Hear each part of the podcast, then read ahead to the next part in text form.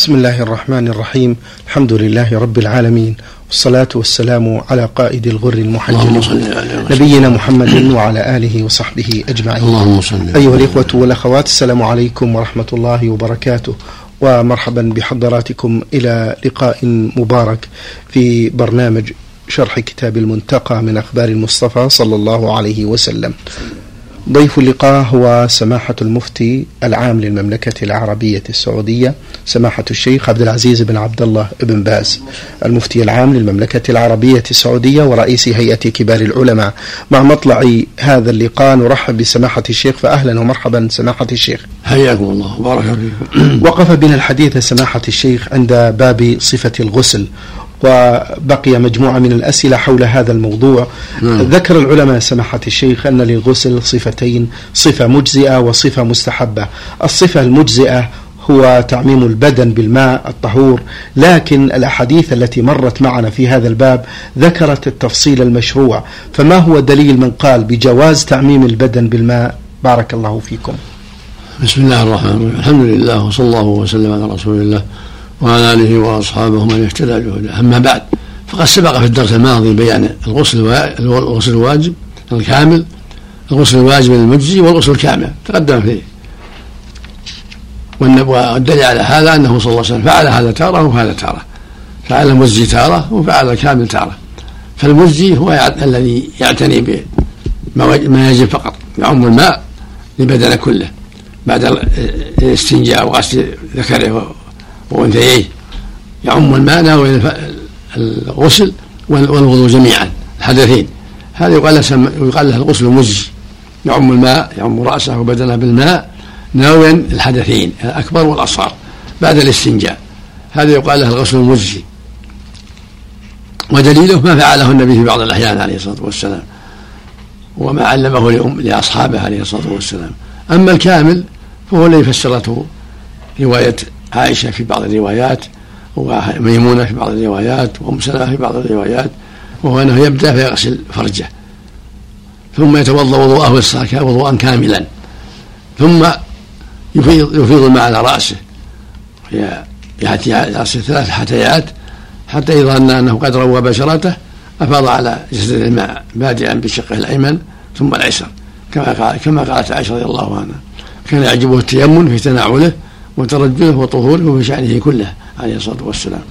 هذا هو الغسل الكامل. ثم بعد النهاية يغسل قدميه. بعد ما يفرغ يغسل قدميه في مكان آخر. غسل آخر غير غسلها في الوضوء. يغسل قدميه كمالا كمالا للنظافة. فهذا هو الغسل الكامل الذي فعله النبي صلى الله عليه وسلم. استنجى أولا ثم توضأ وضوء الصلاة تمضمض واستنشق غسل الوجه وغسل الذراعين مع المرفقين ومسح رأسه مع اذنيه وغسل رجليه مع الكعبين وضوءا كاملا. ثم افاض الماء على رأسه ثلاث مرات وروى بشرته وخلل اصابع رأسه باصابعه حتى ظن أنه قد روى بشرته. ثم افاض الماء على شقه الأيمن ثم الايسر هذا هو الغسل الكامل.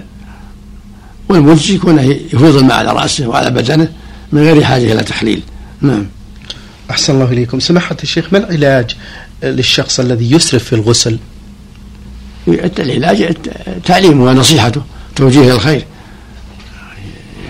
ينبغي أنه يوصى بالخير ويحرض على الاقتصاد في غسله وفي مائه ولا يسرف ويتحرى السنة من دون إسراف.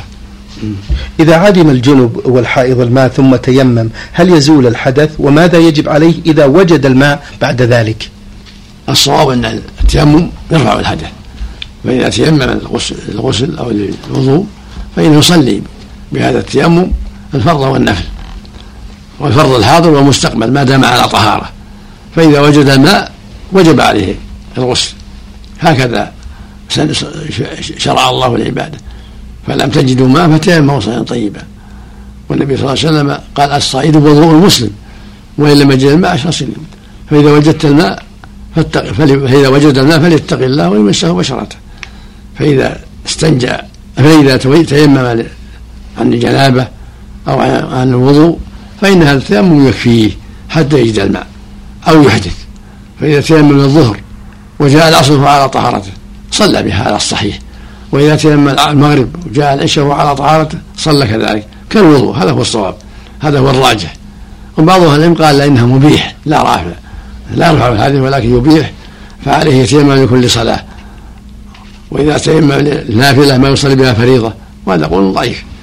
الصواب أن التيمم كالماء. سمعه الله طهورا. النبي صلى الله عليه وسلم سماه طهورا سماه وضوءا. قال جعلت لي الأرض مسجدا وطهورا. فأيما رجل أمتي أدركته الصلاة فعنده مسجده وطهوره. فإذا تيمم فقد تطهر. فيصلي ما دام على طهارة كالماء. إذا تطهر تيمم من الظهر صلى بها الظهر والعصر والمغرب والعشاء ما دام على طهارة. كالماء نعم. أحسن الله إليكم. قال المؤلف رحمه الله تعالى باب تعاهد باطن الشعور وما جاء في نقضها. عن علي رضي الله عنه قال سمعت رسول الله صلى الله عليه وسلم يقول من ترك موضع شعرة من جنابة لم يصبها الماء فعل الله به كذا وكذا من النار. قال علي فمن ثم عاديت شعري. رواه أحمد وأبو داود وزاد وكان يجز شعره رضي الله عنه. وعن أم سلمة قالت قلت يا رسول الله إني امرأة أشد ظفر رأسي أفأنقضه؟ بغسل الجنابة فقال لا إنما يكفيك أن تحثي على رأسك ثلاث حثيات ثم تفيضين عليك الماء فتطهرين. رواه الجماعة إلا البخاري. وفي الحديث مستدل لمن لم يوجب الدلك باليد. وفي رواية لأبي داود أن امرأة جاءت إلى أم سلمة بهذا الحديث قالت فسألت لها النبي صلى الله عليه وسلم بمعناه قال فيه واغمزي قرونك عند كل حفنة. وهو دليل على وجوب آه، بل داخل الشعر المسترسل. وعن عبيد بن عمير قال بلغ عائشة أن عبد الله بن عمرو يأمر النساء إذا اغتسلن أن ينقضن رؤوسهن. فقالت يا عجبا لابن عمرو هذا يأمر النساء إذا اغتسلن أن ينقضن رؤوسهن. أو ما يأمرهن أن يحلقن رؤوسهن لقد كنت أغتسل أنا ورسول الله صلى الله عليه وسلم من إناء واحد وما أزيد على أن أفرغ على رأسي ثلاث إفراغات رواه أحمد ومسلم. نعم وهذا يدل على أن نقض الرأس والعناية بأصول الشعر غير واجب بل يكفي مرور الماء على ظاهر الرأس. أما حديث علي من ترك شعرة كذا فعل الله به كذا وكذا وحديث ضعيف. ليس بالصحيح وإنما الواجب تعميم الماء على الرأس إذا كان مفتولا ولا حاجة إلى نقضه. لحديث أم سلمة يا رسول الله إني امرأة ما أشد شعر رأسي أفأنقضه؟ بغسل الجنابة والحيض فقال إنما يكفيك أن تحثي على ثلاث حثيات فتطهرين. وكذا حديث عائشة رضي الله عنها على رأسها ثلاث مرات هذا يدل على أنه يكفي إفاضة الماء على الرأس المشدود ثلاث مرات ولا يجب نقضه لا في غسل الجنابة ولا في الحيض. لكن يأتي في الحيض أن الأفضل نقضه في الحيض لأن مدة تطول في حال الحيض فنقضه والعناية به أفضل ولو أفاضت الماء على رأسها مشدود ثلاث مرات كفى ذلك. وهكذا الرجل أفاض على رأسه ولم ينقضه إذا كان له رأس لا بأس بذلك ولا حرج. وهكذا إفاضة الماء على البدن. كن يفيض عليه يعمه بالماء يكفي من غير حاجة إلى ترك. فإن دلك لرأسه وبدنه هذا من باب من باب الأفضلية ومن باب من باب الكمال وإلا فلا يجب والحمد لله. ولهذا أنكرت عائشة على عبد الله بن عمرو بن العاص رضي الله عنهم عنهما أمره للنساء بالنقض لأن لأنها عرفت أنه لا كان صلى لا يأمرهن بنقض رؤوسهن. ولهذا قالت أولا, أولا يأمرهن بحلقها؟ يعني ما دام بيشدد يأمرون بحلقها. والمقصود من هذا كله إنكار على عبد الله أمرهن بالنقض وعبد الله اجتهد وظن أن هذا واجب عليهن. فأفتى بما ظهر له. ولم يبلغه ما ذكرت عائشة رضي الله عنها. ومن حفظ حج على من لم يحفظ. فعائشة حفظت وأم سلمة حفظت أنه لا نقض وأن يكفي أن تصب الماء على رأسها وأن تفيض الماء على رأسها من دون حاجة إلى عملا بحديث أم سلمة وحديث عائشة وهما أعلم بحال النبي صلى الله عليه وسلم والغسل من غيرهم لأنه يغتسل عندهن عليه الصلاة والسلام. نعم. أحسن الله إليكم. سماحة الشيخ آه، إذا حديث علي آه، ضعيف سمعت نعم. حديث علي. إنها تحت كل شعرة جنابة حديث ضعيف. نعم. آه، يقول علماء الحديث سماحة الشيخ أن من علامات الحديث الضعيف أو الموضوع ركاكة اللفظ. ما صحة ذلك؟ نعم ركاكته ومخالفة الأصول. مخالفة الأصول. مخالفة الأصول المعروفة عن النبي صلى الله عليه وسلم معروفة من الشرع وركاكة ألفاظه كونها مهب على اللغات الفصيحة. نعم. باطن الشعور سماحة الشيخ ما هو؟ وصولها اللي يلي الجلد نعم. أحسن الله إليكم. قال المؤلف رحمه الله تعالى باب باب استحباب نقض الشعر لغسل الحيض وتتبع أثر الدم فيه. عن عروة عن عائشة أن النبي صلى الله عليه وسلم قال لها وكانت حائضة. انقضي شعرك واغتسلي. رواه ابن ماجه بإسناد صحيح. وعن عائشة أن امرأة من الأنصار سألت النبي صلى الله عليه وسلم عن غسلها من الحيض فأمرها كيف تغتسل. ثم قال خذي فرصة من مسك فتطهري بها. قالت كيف أتطهر بها؟ قال سبحان الله تطهري بها. قالت فاجتذبتها إلي. فقلت تتبعي بها أثر الدم. رواه الجماعة إلا الترمذي. غير أن ابن ماجه وأبا داود قال فرصة ممسكة.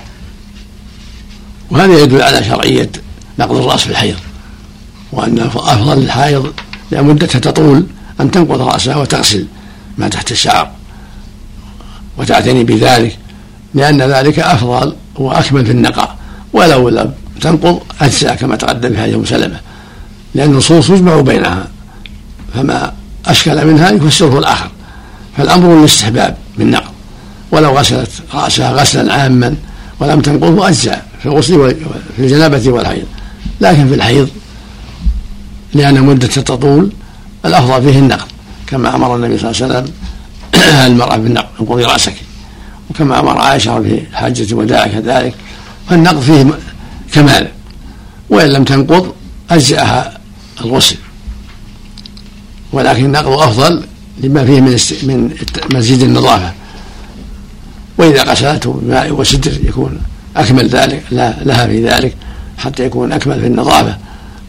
وإذا أخذت فرصة ممسكة يعني قطرة فيها طيب تتبع به ما حول الفرج وآثار الدم حتى يكون ذلك أكمل في الرائحة الطيبة وأبعد عن الرائحة الرديئة. المقصود أن الطيب فيه إزالة الرائحة أثر الدم تغسل تغسل آثار الدم تتبع ما قد يبقى من روائح أو آثار بالفرصة الممسكة. والحاصل أنها أولا تنظف بالماء ثم تتبع آثار ما قد يبقى فيه رائحة مهي مناسبة بالفرصة الممسكة من الطيب في إبطيها ما حول فرجها في رأسها حتى يكون لها الرائحة الحسنة ولا سيما إذا كانت ذات زوج. نعم. قال المؤلف رحمه الله تعالى باب ما جاء في قدر الماء في الغسل والوضوء. عن سفينة قال كان رسول الله صلى الله عليه وسلم يغتسل بالصاع ويتطهر بالمد. رواه أحمد وابن ماجه ومسلم والترمذي وصححه. وعن أنس قال كان النبي صلى الله عليه وآله وسلم يغتسل بالصاع إلى خمسة أمداد ويتوضأ بالمد متفق عليه. وعن أنس قال كان النبي صلى الله عليه وآله وسلم يتوضأ بإناء يكون رطلين ويغتسل بالصاع رواه أحمد وأبو داود. وعن موسى الجهني قال أتي مجاهد بقدح حزرته ثمانية أرطال فقال حدثتني عائشة أن رسول الله صلى الله عليه وسلم كان يغتسل بمثل هذا رواه النسائي. وعن جابر قال قال رسول الله صلى الله عليه وسلم يجزئ من الغسل الصاع ومن الوضوء المد. رواه أحمد والأثرم. وعن عائشة قالت كنت أغتسل أنا ورسول الله صلى الله عليه وسلم من إناء واحد من قدح يقال له الفرق متفق عليه والفرق ستة عشر رطلا بالعراقي. هذه الأحاديث كلها تدل على أن السنة الاقتصاد في الغسل وعدم التكلف في الماء هذا هو المشروع للمغتسل في الجنابة والحيض وغيرهما الاقتصاد وعدم التكلف. ولهذا كان صلى الله عليه وسلم يتوضأ بالمد ويغتسل بالصاع إلى خمسة أمداد. هذا هو الأفضل. وربما اغتسل بنصف بصاع والنصف. كان يغتسل مع عائشة من إناء يسع ثلاثة أصع يقال له الفرق. هذا كله يدل على أن الغسل من صاع إلى صاع ونصف إلى خمسة أمداد هذا هو الأفضل. وأن ينبغي للمؤمن يتحرى الاقتصاد وعدم التكلف في كثرة الماء لا في الوضوء ولا في الغسل. فالوضوء مد أو ما يقاربه وربما توضأ النبي بثلثي مد يعني مد إلا ثلث. وفي الغسل يكون بصاع وصاع أو صاع مد أو صاع ونص ولهذا اغتسل صلى الله عليه وسلم مع زوجته عائشة من فرق.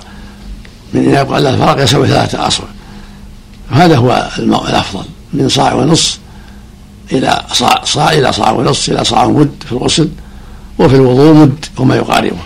هذا هو الأفضل للمؤمن يقتصد في غسله ووضوءه. نعم. سماحة الشيخ ما مقدار المد بالمقاييس العشرية؟ المد وثلث بالعراقي والصاع خمسة وثلث بالعراقي. أما بالشيء الذي يفهمه الناس كلهم نعم. هو المد من الكفين ممتلئتين. صاع النبي أربعة كف ممتلئة قال صاع. وبالكفين ممتلئتين المتوسطتين يقال له مد. هذا هو بالشيء الذي يعم المتعلم وغير المتعلم. فالصاع صاع النبي صلى الله عليه وسلم ليس بالكبير. وهو خمسة أرطال وثلث بالعراقي فمقداره مقدار أربعة أكف. الكفين من المنوعتين هذا مد فإذا كررها أربع مرات وهي ممتلئة وهي معتدلة ليس من صغار الأيدي ولا من كبارها جدا بل من وسط الأيدي. هذا يسمى مدة. وإذا كان أربع مرات سمى صاعا نعم. سماحة الشيخ من أراد أن يغتسل ما الأفضل في حقه؟ أن يضع الماء في حوض ثم يأخذ يأخذ منه أم يغتسل من الدش مباشرة؟ الأمر في هذا واسع. الأمر في هذا واسع. واسع. الحمد لله. الماء سمحة الشيخ نعمة عظيمة وثروة لا يعرف قدرها إلا من فقدها ولا يخفى علينا ما كانت علي ما كنا عليه قبل سنوات من شح في المياه. ونحن الآن نعيش في هذه النعمة العظيمة. إلا أن كثير من الناس في غفلة ويحصل منهم إسراف في الماء فيغسلون به السيارات وأشياء كمالية وما أشبه ذلك. نرجو من سماحة الشيخ توجيه نصح لمثل هؤلاء. المشروع للمؤمن عدم الإسراف في المياه تحري الاقتصاد وعدم الإسراف لا في وضوء ولا في غسل ولا في غيرهما. يتوضأ كما شرع الله ويغتسل كما شرع الله وإذا دعت الحاجة إلى غسل الأواني أو غيرها غسلها. لكن بتحري الاقتصاد وعدم الاسراف في المياه لأن المياه لها شأن عظيم والاسراف فيها قد يسبب مشاكل كبيرة. فالسنة عدم الاسراف في كل شيء. يتحرى القصد وهو الوسط الذي ليس فيه نقص وليس فيه زيادة وسط. والذين إذا أنفقوا لم يسرفوا ولم يقتروا. قال جل وعلا ولا تجعل يدك مغلولة إلى عنقك ولا تبسطها كل بسط دل على أن الوسط هو المطلوب وهو القصد. فلا يسرف في صرف المياه ولا يقصر في التطهر. نعم. جزاكم الله خيرا سماحة الشيخ. باب من رأى التقدير بذلك استحبابا وأن ما دونه يجزي إذا أسبغ. عن عائشة أنها كانت تغتسل هي والنبي صلى الله عليه وسلم في إناء واحد. يسع يسع ثلاثة أمداد أو قريبا من ذلك رواه مسلم. وعن عباد بن تميم عن أم عمارة بنت كعب أن النبي صلى الله عليه وسلم توضأ فأتي بماء في إناء آه، قدر ثلثاء المد. ثلثاء المد. رواه أبو داود والنسائي. وعن عبيد بن عمير أن عائشة قالت لقد رأيتني أغتسل أنا ورسول الله صلى الله عليه وسلم من هذا فإذا تور موضوع مثل الصاع أو دونه فنشرع فيه جميعا فأفيض على رأسي بيدي ثلاث مرات وما أنقض لي شعرا. رواه النسائي. السنة في هذا هو الاقتصاد في في الوضوء والغسل. وثلاث أمداد يعني ثلاث أصواع قد يطلق الصاع يسمى مدة. فالمراد مثل ما في الحديث الآخر الفرق ثلاثة أصواع فالاقتصاد في هذا هو يكون يعم البدن بالماء من غير إسراف ولا كثرة. هذا هو الاقتصاد. فالسنة الاقتصاد في الوضوء والغسل. وإذا توضأ بأقل من مد كثلث مد وأسبق فلا بأس. وإذا أسبق بأقل من الصاع فلا بأس. لكن في الغالب أن الصاع وما يقاربه غايته في الاقتصاد غايته في الاقتصاد لكن المؤمن يتحرى ويحرص على عدم الإسراف. ولا سيما إذا كان ليس له شعور فإنه يكون ماؤه أقل. بخلاف من له شعور فإنه قد يحتاج إلى مزيد. والخلاصة أن السنة التحري وعدم الإسراف فيكون وسطا في أموره كلها.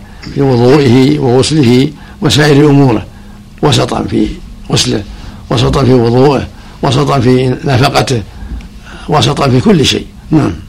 أحسن الله إليكم.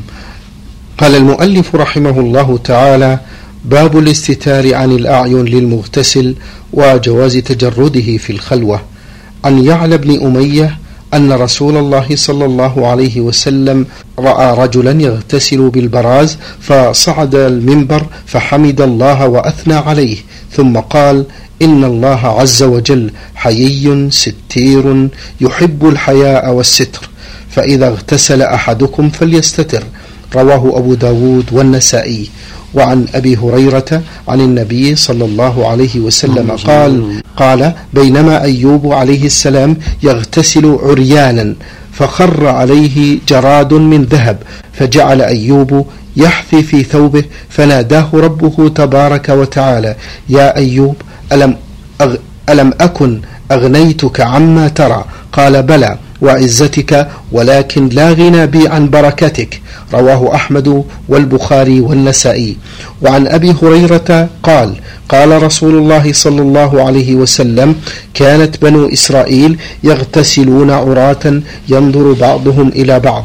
وكان موسى عليه السلام يغتسل وحده. فقالوا والله ما يمنع موسى أن يغتسل معنا إلا أنه آدر. قال فذهب مرة يغتسل فوضع ثوبه على حجر ففر الحجر بثوبه قال فجمح موسى عليه السلام بأثره. يقول ثوبي حجر ثوبي حجر حتى نظرت بنو إسرائيل إلى سوءة موسى عليه السلام فقالوا والله ما بموسى بأس.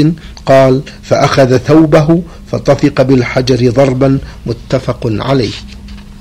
هذه الأحاديث كلها تدل على أنه يجوز